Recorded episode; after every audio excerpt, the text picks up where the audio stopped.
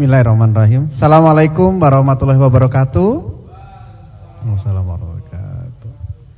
Selamat sore Mandirian, kita ketemu lagi di Ngabuburit Asik uh, di periode yang keempat dan ini periode yang terakhir di bulan Ramadan tahun 1900 eh, 1451 Hijriah dan semoga nanti kita setelah Ramadan kita ada program-program lagi, kita bisa bertemu lagi. Dan hari ini kita bersama dengan Ustadz Munif juga akan membahas tentang lebaran ala mandiri ya Ustadz ya. Ya. Eh, mungkin silahkan Ustadz mungkin Baik. sebagai pembuka. Assalamualaikum warahmatullahi wabarakatuh. Eh, jadi memang Lebaran kali ini saya temanya Lebaran mandiri ya atau ala mandiri karena memang kita sendiri mas. Ya. Jadi sholatnya juga sholat id sendiri. Nah kita akan memberikan penjelasan dulu kepada mandirian semua bagaimana tata cara melakukan sholat id secara sendirian atau mandiri atau bersama keluarga. Nah ini bisa jadi panduan para mandirian semuanya. Bagaimana kita sholat karena besok itu kemungkinan besar ini akan menjadi rekor pecah. Tidak hanya muri tapi mungkin rekor pecah di seluruh dunia. Ya. sholat id terbanyak di seluruh dunia itu besok. Insya Allah tanggal 1 Syawal tanggal 24 Mei itu adalah rekor imam sholat id terbanyak di seluruh dunia. Jadi di Indonesia saja mungkin di teman-teman yang laki-laki itu hampir mungkin semuanya akan menjadi imam sholat id nah Ya. sekarang kita kasih bekal gimana sih sholat id itu boleh bolehnya berapa minimal ternyata sholat id itu boleh satu mas secara pribadi boleh sendiri jadi secara fikih itu kita sendiri boleh Kemudian kalau kita sama istri sama anak itu tambah lebih boleh. Iya. Apalagi kalau tambah di dalamnya ada ponakan, ada Pak D, Bude itu boleh banget. Ya. Tentu kalau jamaah secara keseluruhan itu memang yang lazim. Iya. Nah, bagaimana tata cara sholat id secara mandiri? Pertama adalah begitu kita bangun di pagi hari kita mandi besar. Jadi harus ada mandi besarnya. Kita seperti mandi hari raya pada umumnya COVID-19 ini. Iya. Jadi kita mandi besar dulu nomor satu. Nah, kemudian muncul pertanyaan kan gitu, kenapa harus mandi besar Ustaz? Ya, pokoknya mandi besar karena apa? Ini hari raya, jadi pakai mandi besar. Yang kedua, setelah mandi besar, gunakan pakaian yang terbaik. Sekali lagi, bukan pakaian terbaru, Mas Tanu ya, Ya. tapi pakaian yang terbaik. Ya, pakaian terbaik ini gimana? Ya, pakaian terbaik itu menurut Anda yang paling baik di lemari Anda yang apa? Hmm. Ya silahkan aja. Yang penting dia bersih dari najis. Syaratnya di situ aja. Iya. Jadi terbaru belum tentu terbaik. Terbaru kalau dia kena najis ya nggak jadi boleh. Ya kalau terbaik itu bisa jadi itu pakaian yang lama tapi dia bersih dari suci eh, suci dari najis itu syaratnya. Jadi mandi besar pakaian terbaik. Oke. Yang kedua dari habis subuh sampai dengan subuh habis subuh menjelang sholat id diperbanyak takbir. Makanya kalau kita udah mandi, kita sudah pakai pakaian terbaik, jangan lupa kita minum dulu Hmm. atau nyemil dulu. Atau kalau kaum hisaber ngerokok dulu gitu ya. Karena dia mungkin membatalkan puasa karena haram hukumnya satu Syawal kita berpuasa. Iya. Oke ya, jadi habis mandi pakai pakaian terbaik, usahakan kita minum dulu atau nyemil dulu atau ngerokok dulu kalau memang orangnya perokok. Oke ya. Nah, setelah itu dalam posisi kita masih posisi berwudu, kita kemudian apa? Kita lakukan takbir dulu. Sebelum sholat id itu takbir. Nah, sholat id para mandirian, sholat id ala mandiri itu bisa dikerjakan starting mulai setengah tujuh pagi. Nah, jadi tidak harus jam 7. Makanya besok saran kami bagi yang sholat id mandiri di rumah Ya. setengah tujuh mulai saja. Jadi lebih gasik kan lebih bagus. Ya, Oke. lebih lebih awal sehingga dia lebih apa ya? Dia lebih bisa boleh dikatakan lebih bisa untuk kegiatan yang lain-lain. Ya. Oke ya, setengah tujuh jadi mungkin mulai jam 6 gitu atau 6 seperempat mulai takbir ya Allahu Akbar, Allahu Akbar ada dua atau tiga boleh jadi Allah Akbarnya dua boleh, tiga boleh Iya. Walillahilham terus diulangi terus sampai dengan menjelang sholat id bedanya sholat id sendiri di rumah dengan di lapangan adalah kalau sholat id di lapangan ada komatnya Oh. ada komatnya, tapi komatnya modelnya adalah baba untuk sholat idnya. Ya. Sholat tuh Ah, gitu ya. kan. Hmm. Tapi kalau di rumah nggak perlu ada itu nggak apa-apa. Yang penting kepala rumah tangganya atau mas-masnya siap untuk menjadi imam. Nah, gimana caranya sholat? Sederhana sekali. Sholat id itu isinya adalah dua rokaat saja. Ya. Rokaat pertama menggunakan takbir sejumlah tujuh kali. Kita akan simulasikan di sini. Ya. Allahu Akbar satu, Allahu Akbar dua, Allahu Akbar tiga, Allahu Akbar empat, Allahu Akbar lima, Allahu Akbar enam, Allahu Akbar tujuh. Ya. Kalau sudah tujuh, kemudian kita baca surat Al-Fatihah sampai ghairil maghdubi alaihim waladdallin. Amin. Begitu amin, edaran Majelis Ulama Indonesia dan Kementerian Agama menganjurkan untuk edisi COVID-19 menggunakan surat terpendek saja. Jadi jangan panjang sholatnya. Berarti Jadi, pakai surat kulhu aja ya, boleh. rokat pertama kulhu, rokat kedua ina. Dan ini yang paling disukai oleh hampir semua jamaah ya. Ya, Tenang aja, tenang aja bro, tenang aja. Ini fatwa MUI loh bro, nggak main-main. Iya, iya, iya, Jadi oke. karena posisinya kalau kalau normal itu sunahnya, sunahnya ya, itu rokat pertama surat al-a'la, sabi isma rabbikal a'la alladzi khalaqa fasawwa, itu rokat Iya. pertama. Rokat kedua adalah menggunakan al-ghasyiyah. Itu rokat kedua. Itu kalau normal. Karena ini Covid, anjurannya adalah rokat pertama al-ikhlas, rokat kedua adalah an-nasr, inna Ya. atau inna kal Kausar. kausar. Insya Allah semua yang ada di sini hafal ya. Oke. Jadi rokat pertama tadi berapa takbirnya? Tujuh Tujuh. Nah, saya kasih cara ini. Gimana caranya kalau jenengan biar bisa nginget-nginget satu sampai tujuh itu? Ini caranya Ya. begini. Lebih baik begitu anda takbir Allahu Akbar pakai jari. Ah. Ini jarinya dipakai nih. Iya, iya. Allahu Akbar tekuk satu. Allahu Akbar tekuk dua.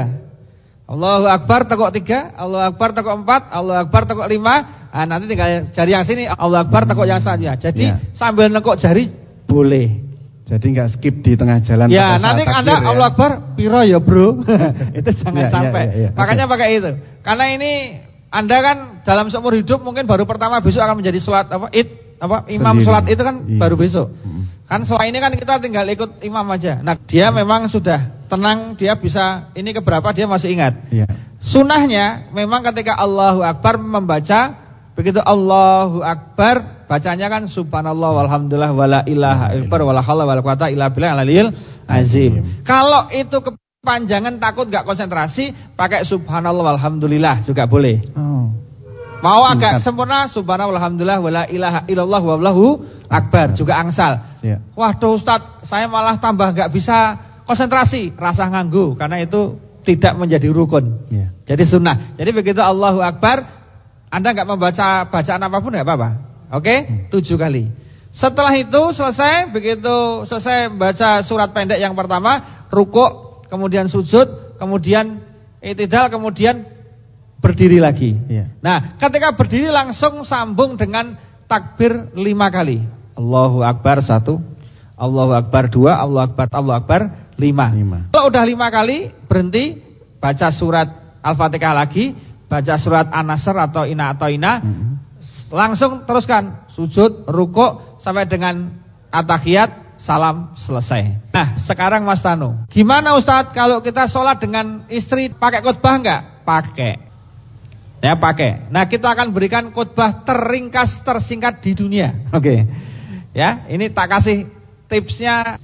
Salat khutbah itu gampang didengarkan ini. Ini khusus khutbah id. Dengan takbir. Bisa tiga, bisa lima. Saya ulangi lagi Ya. takbirnya. Bisa tiga, bisa lima. Jadi begini, begitu sudah takbir, begitu sudah selesai sholat ya Assalamualaikum. Sebagai imam, jenengan langsung berdiri aja. Mamu masih duduk, jenengan berdiri. Bacanya begini. Allahu Akbar, Allahu Akbar, Allahu Akbar, Allahu Akbar, Allahu Akbar, walillahilham. Setelah membaca takbir yang tadi itu tiga atau lima, tambah yang ke- yang kedua adalah membaca hamdalah. Pasti hafal semua. Alhamdulillahirabbil alamin. Oke? Setelah baca hamdalah, yang dibaca ketiga adalah syahadat. Asyhadu alla ilaha illallah wa asyhadu anna Muhammadar Rasulullah. Semua pasti hafal. Oke ya. Yang keempat, kita baca solawat. Solawat semua insya Allah pasti hafal juga. Allahumma sholli ala Sayyidina Muhammad. Allahumma sholli ala Muhammad ya boleh. Allahumma sholli ala Sayyidina Muhammad ya boleh. Ya. Dua versi boleh. Yang kelima, setelah membaca itu adalah anjuran takwa. Yang tidak apal bahasa Arabnya, surat-surat Arabnya kaitan dengan takwa bisa diganti dengan bahasa Indonesia. Contoh, kalau pakai Arab misalnya ittaqullah, ittaqullah haqqa tuqatih wa la tamutunna illa wa antum muslimun, boleh. Ya. Tapi kalau ini enggak apal pakai Indonesia. Marilah kita tingkatkan takwa kita kepada Allah Subhanahu wa taala. Ini sudah masuk materi khutbah nanti. Mudah-mudahan Covid-19 segera selesai, puasa kita diterima Allah Subhanahu wa taala, dosa kita diampuni Allah Subhanahu wa taala. Wassalamualaikum warahmatullahi wabarakatuh. Itu sudah sah. Sudah sah. Padahal Ya, terakhirnya sekali ya. Ya, sederhana sekali. Ini kan khutbah terpendek. Saya ulangi lagi. Nah, terus tutupnya dengan doa. Nah, doanya itu ndak usah panjang. Cukup robana atina saja wong apale ya ming kuwi dilalah itu. robana atina fit. Jangan tapi mohon jangan dengan doa Allahumma lakasum dulu ya. Doanya robana atina pokoknya. Jadi saya ulangi lagi, sederhana sekali. Hmm. Takbir Hamdalah Iya. Sahadat Solawat Hmm. Anjuran takwa Hmm.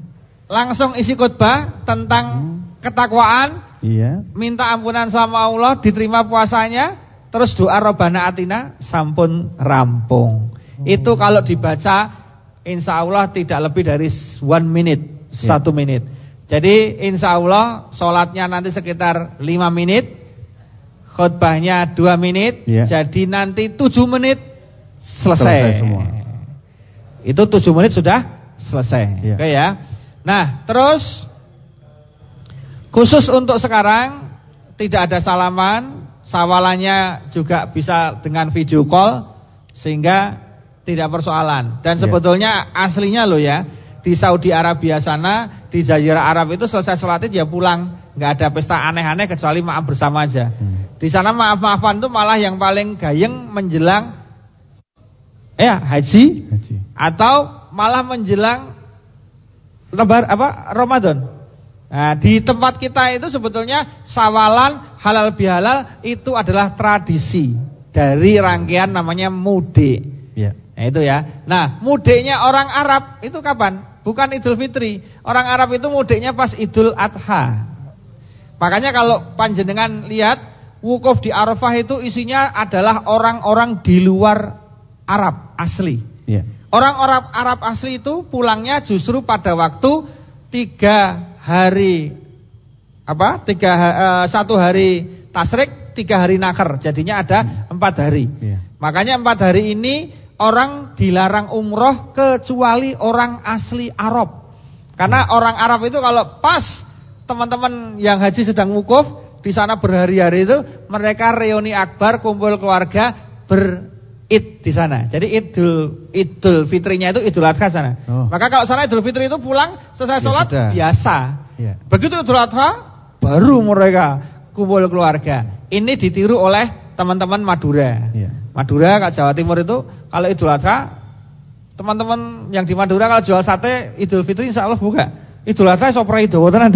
Karena mereka niru modelnya. Jadi ini tradisi ya semacam tradition Ya, ya oke. dan termasuk Mandiri juga punya tradisi ya gitu kan. Itu yang luar biasa. Nah, baik. Jadi itu untuk sawalan ya. Jadi insya Allah ini adalah lebaran dan Ramadan terngirit dalam sejarah. Harusnya, ya toh? Harusnya. Karena posisinya kan nggak mikir tiket mudik, betul? Iya. nggak mikir baju baru karena ya juga nggak ada yang mau disofakan kan? Ya bajunya baju bisa lebih ya itu seperti itu. Gitu, mungkin ada yang mau bertanya di sini boleh, silahkan. Baik. eh, Atau yang ada di Instagram, di Facebook boleh. Rekan-rekan Mandirian silahkan stay tune di Mandiri Youngster underscore Yogyakarta dan Jogja underscore One dan teman-teman bisa bertanya eh, terkait dengan Idul Fitri new normal ya. Ya, Karena dengan normal. kondisi Covid ini dan di sini sudah hadir Pak Ustadz Munif Tauhid yang mungkin bisa menjelaskan teman-teman bagaimana sih menghadapi Idul Fitri tetapi di masa Covid dan ini tadi sebagai pengantar bagus sekali dan memang dengan meningkatkan keimanan dan ketakwaan kita memang ternyata ada hal-hal baru yang kadang simpel tetapi kita tidak tidak memikirkannya sampai saat ini ternyata Ya. seperti jadi imam Idul Fitri, jadi apa? Khotib Khot- ya. Khotib ya. Itu Idul Fitri ternyata bisa dilakukan sendiri dan ternyata juga nggak sulit juga, ternyata mudah juga ya Ustaz Ya, ya. selain mudah saya juga Oke. sekaligus mengkoreksi melalui forumnya Mandirian ini mengkoreksi khotib Jumat yang beredar di masyarakat kita. Iya. Harusnya khutbah itu lebih singkat daripada sholatnya. Oh. Jadi sholatnya itu lebih panjang daripada khutbahnya. Hmm. Nah kita jangan kebalik khutbahnya dawane pol, sholatnya pendek pol. Ini kebalik sebetulnya. Makanya mari teman-teman khotib semua kita upayakan kalau ngisi khutbah jangan lama. Pendek, singkat, padat, intinya saja dan jangan lama. Karena apa? Kasihan. Khutbah lama itu tidak pernah diperkenankan. Coba kalau panjenengan ke umroh atau haji ketika nanti ada Jumatan, ikut mereka betul-betul sangat ringkas sekali. Sebelum khutbah itu sudah dipikir yang mau disampaikan ini. Jadi nggak gerambiang. Iya. Ada ada, ada khutbah kok sampai 20 menit itu namanya bukan khutbah itu. Ya, ini nggak boleh lama. Jadi khutbah itu harusnya simple. Makanya panjenengan laki-laki belajar jadi khotib nggak apa-apa. Yang disampaikan simple kok. Ya, apalagi jadi imam. Ini kan semua sekarang menjadi imam tarweh semua di rumah. Iya. Bapak-bapak nggak usah khawatir. Ya, yang penting suratnya itu pendek-pendek aja. Bahkan saking pendeknya, kalau kita nggak hafal surat pendek itu sah kok. Wairil maghdubi alaihim waladhdallin. Amin. Allahu akbar itu sah. Karena surat pendek itu bukan termasuk rukun dalam sholat, dia sunnah. Tetapi kalau jenengan pengen sunnah dikerjakan dengan ringkas yang sim simple, pakailah ayat-ayat awal aja ya boleh. Ya, Yasin, Allahu Akbar. Alif lam ra Allahu Akbar. Alif lam mim Allahu Akbar. Ka ha ain shad Allahu Akbar. Itu insya Allah jamaahnya senang semua itu pasti. Wes sesuk sing saka mandiri kae sing imami. Jadi terkenal. Iya, itu dan itu sah loh. Jangan dikira. Iya. Nah, kita sekarang baru tahu dengan adanya COVID-19 ini, ternyata Islam itu simple, enak. Yang bikin Iya. ribet itu kita sendiri kadang-kadang. Ada orang puasa, ada orang sholat, oh kamu kok begini soalnya nggak sah loh ini. Ini bisa nggak diterima sama Allah? Wah, malah jadi arbitrase. Padahal yang maha mengadili itu Allah bukan kita. Makanya Islam itu simpel. Bahkan saking simpelnya, mohon maaf sekali loh ya. Anjing aja bisa masuk surga. Itu anjingnya Ashabul Kafi. Kafi. Itu masuk surga. Bahkan yang paling ngetren ada seorang pelacur hanya gara-gara memberi minum anjing itu masuk surga. Itulah Islam. Enak, simpel, mudah, tidak menakut-nakuti, tidak membuat cemas. Itu Islam yang asli. Ya. Maka seperti mandiri ini tadi, rahmatan lil Alamin. alamin berbagi pada semua orang. Ya. Enak-enak saja. Ini, makanya simpel ya. Jadi kita tarwah itu juga simpel. Nah, kesalahan tarwah ini begini. Di COVID-19 ini alhamdulillah kita diberikan pelajaran sama Allah bahwa tarwah itu sak waktu-waktu yang penting bareng isak. Mau langsung habis sholat isak langsung tarweh angsal. Iya. Engko santai-santai setengah wolu ya angsal, jam wolu monggo songo 10 11 rolas tekan menjelang sahur ya boleh. Iya. Itulah Islam. Jadi nggak harus tarweh itu persis barisa. Enggak, itu kan? Ternyata waktunya boleh, lebih santai. Hmm. Itu tuh sudah kita menjadi tahu kan. Dan termasuk kita juga baru tahu posisinya dengan adanya Covid ini banyak hal-hal yang itu sebetulnya sunnah, tapi seakan-akan dianggap wajib, gitu kan? Atau menjadi sebuah rukun itu yang sebetulnya agak perlu kita luruskan agar tidak menjadi salah sangka Hmm. ya. Oke, jadi eh, di 10 hari terakhir ini insya Allah kita harus lebih meningkatkan dan jangan dikira loh Mas ini tadi yang memberi bantuan-bantuan teman-teman mandiri ketika dilakukan di 10 hari terakhir seperti ini pahalanya luar biasa. Amin. amin ya, apa amin, insya Allah luar amin, biasa. amin. Kayak kemanfaatannya. Maka sederhana kok. Lailatul Qadar. Nah ini kita masuk Saya Lailatul Qadar. Lailatul Qadar ini didapatkan tidak hanya di masjid, di musola. Kata-kata yang namanya la itikafa, tidak ada itikaf, ila fil masjidah, kecuali di masjid. Nah masjid itu ternyata penafsirannya ada dua. Ada yang ditafsirkan masjid itu adalah masjid jami, digunakan jumatan tidak pernah putus, sholat lima waktu nggak pernah putus. Ada yang mengatakan masjid itu dari kata sajadah, yusajidu masjidan, tempat sujud. Berarti kamu sujudnya di mana? Kalau kamu di rumah ya tempat sujudmu di rumah itu. Iya. Kalau kamu di musola ya di musola itu. Bahkan ada lagunya Bimbo, ada sajadah panjang. Nah, sajadah panjang itu berarti sujud kita bisa di perempatan. bisa di bank, bisa di mana-mana. Sujud dalam artian luas. Nah, makanya kalau malam Lailatul Qadar jenengan pengen dapat pahala, nggak harus duduk diam tok di rumah atau di masjid. Enggak, enggak harus gitu. Jenengan bisa jadi dapat Lailatul Qadar hanya dengan memberi beras ketika malam hari 10 hari terakhir. Bisa. Hanya dengan memberi sahur orang yang tidak bisa makan. Ya. Itu perannya besar sekali. Makanya tolong pas malam-malam 10 hari terakhir ini, apalagi kalau malam ganjil, Anda siapkan aplikasi, pesankan food untuk hmm. orang sahur. Wah, itu melimpah. Melimpah yang luar biasa. Bahkan mohon maaf sekali, ini agak agak agak agak menyimpang tapi ini kemarin dibahas itu menarik.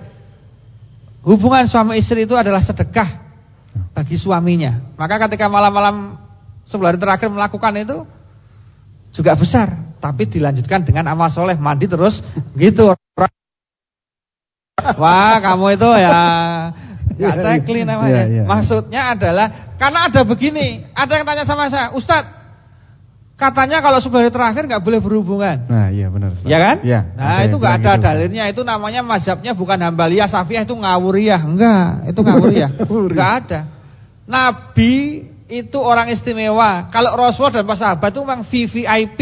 Dia kalau istilahnya di sini apa? Membernya platinum gitu ya. Prioritas. Apa? Prioritas, prioritas. namanya ya. Prioritas namanya. Nah, ini Nabi itu sudah prioritas. Makanya posisinya apa? Kalau nasabah prioritas ini perilakunya juga prioritas. Nabi sebelah hari terakhir itu memang nggak menyentuh istrinya. Hmm. Itu Nabi. Makanya kalau kita menyentuh, tapi bukan berarti Nabi melarang. Nggak, nggak ada larangan. Itu pertama. Ada yang lebih parah lagi tanyanya, Ustaz, katanya kalau malam takbiran nggak boleh berhubungan. Oh, dia mau meneh dalilnya kok ngendi meneh iki? Malam takbiran nggak boleh. Ya nggak ada masalah, ya. Oh ya, orang takbiran itu boleh-boleh aja. Jadi ini justru peluang untuk beramal soleh itu banyak sekali, Mas ya. Tano dan teman-teman mandirian yang ada di mana pun berada. Jadi monggo memberi makan, berhubungan badan itu juga termasuk menjadi amal soleh sebetulnya semuanya bisa dilakukan. Tidak ada persoalan. Yang penting tadi itu anda nawa itu kan dengan baik. Dan ini zikir wirid khusus Mas Tanu bisa dibaca oleh siapa saja Termasuk pada wanita yang sedang berhalangan. Itu boleh Yaitu membaca Asyadu alla ilaha illallah Astagfirullah As'alukal jannata Wa'udubika minanar Allahumma innaka funtu ifulafa Fa'fuani Itu dibaca terus. Jadi wirid spesial edisi Ramadan hari terakhir Itu doang. Itu doang Karena itu sudah komplit Asyhadu alla ilaha illallah. Wow, orang bersaksi kepada Allah, itu pahalanya besar. Hmm. Astagfirullah, sudah minta ampun sama minta Allah. As'alukal jannah, minta surga. Fa'udzubika minanar, dia dihindarkan dari api neraka. neraka. Allahumma innaka afun. Ya Allah ampunilah dosa-dosaku, ya kan? Tuhifa fa'fuani karena sebenarnya engkau Maha pengam, pengampun yang bisa memberi maaf. Maka zikir ini satu-satunya zikir yang dibaca hanya pada bulan suci Ramadan dan spesial untuk sebuah hari terakhir di bulan suci Ramadan. Maka diperbanyak itu. Nah maka monggo mulai habis maghrib nanti sampai dengan besok Sholat subuh itu wirid itu jangan pernah lepas meskipun di mobil, meskipun di rumah, di mana saja. Itu insya Allah ketika kita baca dengan tulus ikhlas dengan niat kepada Allah akan mendapatkan ganjaran Lailatul Qadar. Jadi Lailatul Qadar itu teman-teman tidak mesti didapatkan dengan kita hanya berdiam diri doang. Yang penting pada waktu itu beramal soleh. Itikafnya para tukang becak ya narik becak itu kalau di malam hari memang dia narik. Itikafnya orang-orang yang sedang jualan untuk apa sahur ya itu itikafnya di sana gitu loh. Iya. Jadi sebetulnya itikaf itu sangat luas diartikan, tidak hanya itikaf itu gitu-gitu aja. Walaupun yang sangat fundamental juga harus kita lakukan ya. ya. Meskipun begitu ya. Maksud saya adalah di era seperti ini kita baru diberikan pelajaran bahwa itikaf itu dimensinya sangat luas. Tidak hanya kita harus di masjid, di musola, di mana masjid musola sekarang sedang lockdown, tidak dibuka, hmm. kita bisa di rumah kita masing-masing. Ya. Bisa membaca Quran ya boleh. Yang penting malam itu kita beramal soleh, syukur amal solehnya itu double garden. Istilahnya itu hmm. kalau jenengan ngasih sahur itu kan sudah beramal soleh, sahurnya untuk puasa, berarti kita seperti orang memberi sahur untuk orang puasa, pahalanya kita seperti orang yang sedang puasa. Ya. Nah ini yang kita sering lupa. barang siapa memberi buka puasa, itu sama saja barang saya memberi sahur, Mas. Hmm. Jadi jangan dikira buka tok, sahurnya juga dihitung. Makanya yang sering dipakai dalil oleh para ustadz buka puasanya, maka yang sering ada bukber, betul nggak? Iya, buka bersama. Sahur bersama nggak pernah ada kan? Padahal itu pahalanya sama besarnya. Hmm. hmm. Karena orang bisa puasa karena dia juga Nah, makanya salah satu kalau kita mau nginceng istilahnya mentarget Lailatul Qadar, oh ini malam 10 hari terakhir, oh ini ganjil. Kamu kirimkan habis tarawih nanti makanan terbaik untuk tetangga misalnya atau saudara atau orang yang membutuhkan tulung mengih niki tinggi sahur. Wah itu keren sekali pahalanya. Begitu dia sahur itu wah dan pahala terbesar sebetulnya ada amalan yang sangat besar sekali pahalanya adalah dan ini manjur sekali mustajab doanya. Intinya itu amal ini luar biasa yaitu memberi makan orang yang kelaparan. Ya. Makanya kalau tadi ada sumbangan-sumbangan kemudian orang dengan sumbangan itu bisa makan, oh itu pahalanya menarik sekali itu. Luar biasa. Makanya dalam Islam itu neraktir makan itu pahalanya gede. Jadi kalau Anda habis ini neraktir itu juga gede gitu ya. kode ini kode. Oke oke oke. Baik. Ya, ini gimana, kita uh, kedatangan tamu, tamu Siap. spesial kalau yeah. di area Jogja. Beliau adalah Pak Gunawan, beliau kalau kita sih panggil akrabnya Pak Koko ya. Pak Itu, Koko. Uh, ya. Beliau area head di area Jogja yang mungkin nanti ingin bergabung di sini karena oh, kemarin dengan kesibukan beliau tiga kali berturut-turut absen ya. Absen ya. Dan ya, ini alhamdulillah, bisa gabung. Di keempat ini bisa gabung. Mungkin Pak Koko kami persilahkan. Siap, moga. Siap, moga Bapak. Selamat datang, Pak. Mungkin sebelum dilanjutkan Pak Koko ingin menyampaikan sesuatu kepada Mandirian di area Jogja Pak? Boleh. Ya. Terima kasih Ustadz Munif. Bro Stano selaku inisiator dan ketua SPBM kita. E, mungkin pada saat yang tepat ini kami ucapkan terima kasih pertama-tama kepada seluruh panitia yang telah menyelenggarakan acara e, tausiah ini melalui online ini kepada khususnya kepada Ustadz Munif juga. Gak terasa uh, tiga hari lagi berakhir ya ibadah puasa kita kita song-song uh, Idul Fitri ya. Seharusnya seperti biasa di tahun yang lalu harusnya hari kemenangan itu kita bisa laksanakan dengan kumpul keluarga, mudik dan sebagainya. Sesuai anjuran memang kita nggak boleh mudik dulu ya teman-teman, tapi tanpa mengurangi, mengurangi hikmah dan kegembiraan kita, rasa syukur kita. Tadi sudah disampaikan oleh Ustadz Munif hikmah dari Covid ini tadi udah ngomong kita belajar dari imam pada saat tarweh. Besok kita imam plus jadi khotib untuk belajar khotbah kepada walaupun keluarga kita mini lah keluarga kita ada kakak, anak kita ada bahkan kakak kita ataupun saudara kita yang lain belajarlah walaupun tadi ada diajari khotbah tersingkat ya tapi saya rasa itu pasti e, dengan adanya musibah covid ini membawa hikmah tersendiri untuk peningkatan iman kita. Yang dulunya mungkin nggak biasa jadi imam jadi imam. Nggak biasa jadi khotib memberikan khotbah. Harus belajar memberikan khotbah. Sekali lagi saya ucapkan terima kasih teman-teman yang selalu setia mengikuti acara uh, live Instagram ini. Semoga inspirasi ini inisiatif ini langkah kita hari ini tidak mengurangi amal ibadah dan niat kusuk kita untuk menyemarakkan niat kita untuk uh, gairahkan ibadah Ramadan kita dan sekedar lagi kita akan merayakan uh, hari kemenangan itu. Walaupun kita tidak dengan mudik tapi tetap jaga kesehatan teman-teman semuanya dan juga nggak boleh lupa mohon maaf lahir batin semuanya semoga dilancarkan uh, amal ibadah kita maupun tujuan kita di tahun-tahun yang akan datang dipertemukan lagi ibadah Ramadan kita semoga tetap uh, selamat dan umur panjang. Terima kasih Mas Tano. Terima kasih Pak Koko. Ya Ustadz ini tadi ya. Eh, pesan-pesan ya. uh, dari area head kita Pak Koko terkait dengan kemandirian karena kemarin kita ada ini ini benar-benar tradisi baru jadi nggak boleh mudik hmm, yeah. kemudian stay at home dan sebagainya. Jadi memang ini benar-benar new normal buat mandirian dan mungkin buat semua orang di Indonesia ya. Saya cukup terima kasih Pak pimpinan karena di saat jadwal kami hampir seluruh jadwal kami di lockdown, di cancel panitia.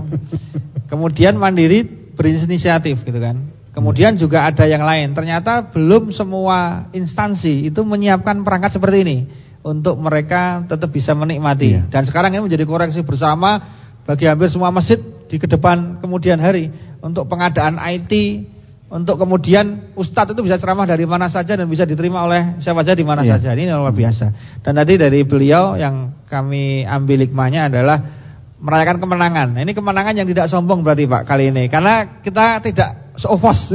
Jadi kemenangannya keep silent. Itu yang menarik ya, kemenangan yang keep silent dan kita doakanlah di semua instansi muncul pemimpin seperti beliau ya yang mengcreate menginisiasi anak-anak mudanya untuk kemudian apa namanya beramal. Ya. ya ini nih ini karena terus terang lebih baik beramal daripada beromel. Ngomel itu gampang, ngamal yang susah. Karena banyak orang yang sekarang itu isinya ngomel, wae, sombat sambat, wae, gitu kan? Tapi Sobat sambat. Iya, tapi nggak pernah ngamal itu ya. Maka dengan beramal itu insya Allah itu menjawab poin, poin, poin, poin, ya. gitu kan? Makanya alhamdulillah tadi banyak sekali kan amaliyahnya tadi dari nyumbang A nyumbang B dan ternyata amal terberat itu adalah memang orang kalau suruh sholat itu gratis. Banyak orang kemudian mungkin karena gratisnya itu malah gak yeah. melakukan gitu ya. Gratis gitu ya. Eh, jangan tertawa Mas, ini kelihatan sekali tadi. ya, gratis. Nah, justru yang berbayar ini kan sebetulnya pahalanya yang lebih besar sekali ya dan yeah. para perlu effort ya gitu ya.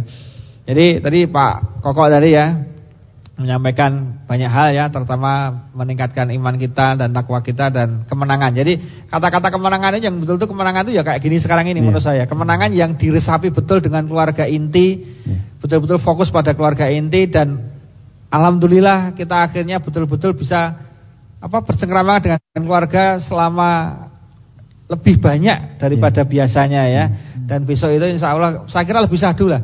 Insya Allah pas minta maaf itu lebih lebih nangis besok pak. lebih nangis karena kan yeah. meresapi karena betul-betul ya kan gitu kan yang ya jadi betul-betul luar biasa.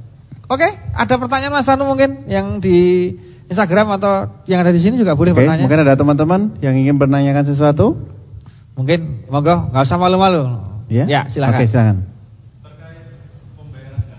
Oke, ha? Ya.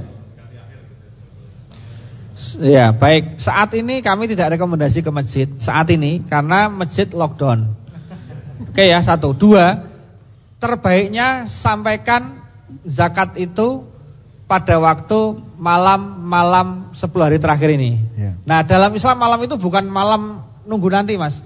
Begitu nanti maghrib dalam Islam sudah disebut dengan malam. Berarti jenengan bisa nanti mentasarufkan zakatnya itu habis maghrib habis isya, habis tarweh monggo sampaikan. Ya. Kalau bisa sih malam-malam ganjil. Karena barang siapa pada waktu malam-malam Al-Qadar. Al-Qadar itu kan datangnya kemungkinan besar malam-malam ganjil.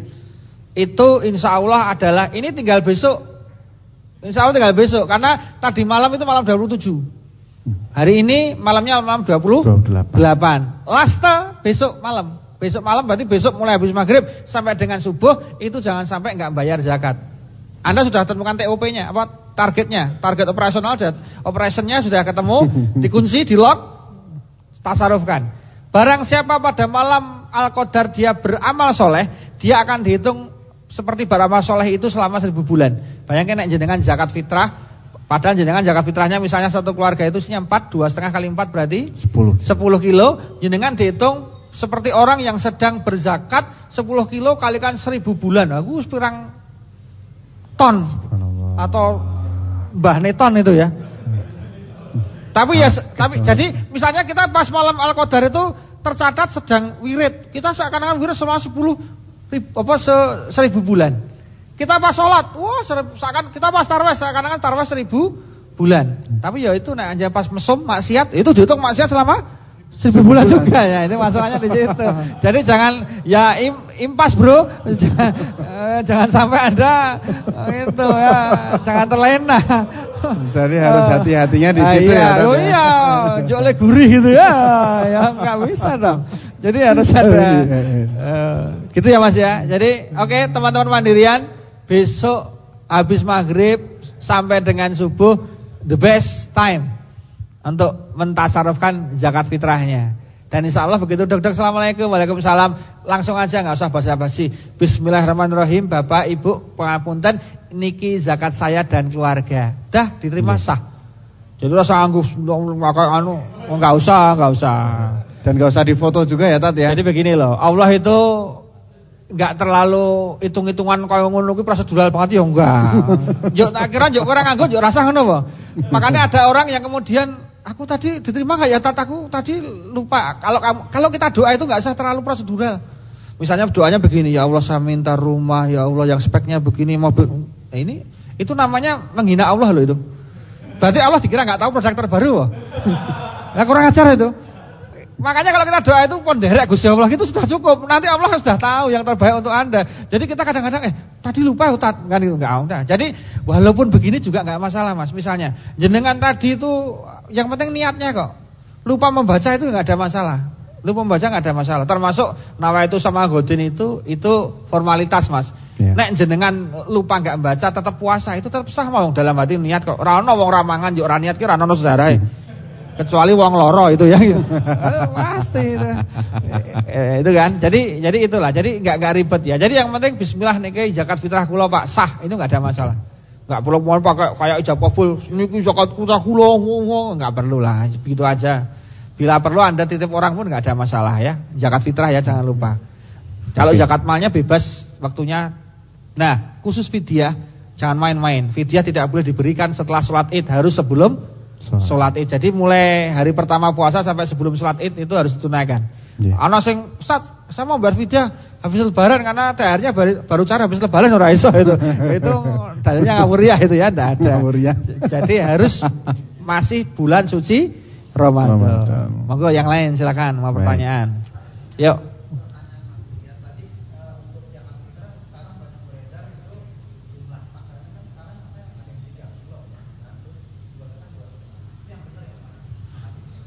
Jadi begini mas, dua setengah kilogram itu formalnya, unformalnya bebas, tapi kurang nggak boleh, lebih diperbolehkan. Dalam kata-katanya Quran itu mas tatok tum, kalau kamu lebih mampu lebih boleh. Dan alhamdulillah yang terbaik itu gini ngitungnya aja pelit-pelit banget mas jenengan. Dumah pakai bang, jo hitungan banget ya aja. Jadi begini, misalnya ya kan Pak. Anjok kaya nek masalah gitu kan. Uh, kayak banknya yang aja hitungan banget bro. Hitungannya tapi boleh tapi hitungan akhiratnya. Yeah. Oh saya keluarga isinya 4 Berarti 10 kilo. Wah hmm. tapi kelihatannya di keluarga itu yang nggak mau ada 3 Udahlah saya tak tambahi 10 kilo jadi 30 kilo. Itu keren. Maka ingat ini ada peristiwa menarik. Sahabat Rasulullah ketika berdagang mas Niru Yahudi. Yahudi menjual 5 ribu dia juga jual 5 ribu. Tetapi yang terjadi apa? Pada-pada harganya 5 ribu sama 5 ribu. Ternyata tetap laris punya orang Yahudi. Padahal dia ikut Rasulullah. Rasulullah itu kalau dagang asli 5 ngewu ya 5 ngewu. Enggak tambah macam-macam. Terus tanya ya Rasulullah, ya Rasulullah saya berdagang ikut engkau ya Rasulullah. Tapi kenapa dagangan saya kalau dengan orang Yahudi? Kamu gimana dagangnya? Ya Rasul jual 5 ribu, aku 5 ribu. Oh kamu salah, niru aku nggak gitu. Niru aku itu kalau 5 ribu dapat sekilo, kalau sama aku dapat sekilo lebih. Hmm. Jadi orang beli tempatnya Rasulullah terus karena dikasih lebih. Maka kalau kita sama Allah dikasih lebih, karena dikasih lebih loh. Iso nyambut gawe, iso payu di bojo itu lebih loh. Hmm. Ana sing khilaf to karo jenengan itu di takdir Allah luar biasa. Alhamdulillah loh. Khilaf karo Itu ya, kalau ya, Allah nggak ya, kasih khilaf mungkin nggak mau sama Anda maka disyukuri. Ya. Nah, karena syukur itu dikasih lah lebih gitu ya, loh. gitu ya. Saat ini sepertinya udah masuk okay. uh, eh, buka puasa, mungkin ya. monggo didoakan dulu sebelum kami tutup. Ya, baik kita sudah mau buka puasa, menjelang buka doanya mustajab, mari kita berdoa bersama-sama. Bismillahirrahmanirrahim. Ya Allah yang haji wa ya Rahman ya Rahim. Berikan kami umur panjang barokah Rizki luas barokah Keluarga sakinah wa rahmah Putra putri soleh solehah Mudah semua urusannya Dijauhkan dari segala macam bahaya Fitnah, bencana dan balak. Diberikan sukses di dunia ila akhirah. Rabbana atina fid dunya hasanah Wa fil akhirati hasanah Wa qina Walhamdulillah Rabbil Alamin. Amin. Amin. Baik uh, Pas buka puasa. Jadi ini sekalian kita tutup. Terima kasih uh, Pak Koko atas supportnya selama ini. Alhamdulillah empat episode bisa kita jalankan dengan lancar. Terima kasih Ustadz, empat periode menemani kami di semua di sini. Dan teman-teman, yang terakhir, kalau teman-teman ingin zakat, masih ada waktu untuk pembayaran zakat, bisa langsung datang ke apa? Ke orang yang ingin dituju, tapi juga ada channel juga pembayarannya melalui MAI, teman-teman ya. Ada Mandiri Amal Insani nanti melalui e-channel Bank Mandiri ya, dari Mandiri online bisa, dari Mandiri ATM juga bisa. Dan kemudian dengan ini kita tutup uh, acara ngabuburit asik ini. Sebelum kita tutup, kami mohon maaf segera salah dan kilaf, mohon maaf lahir dan batin dan mengucapkan selamat Hari Raya Idul Fitri 1441 Hijriah.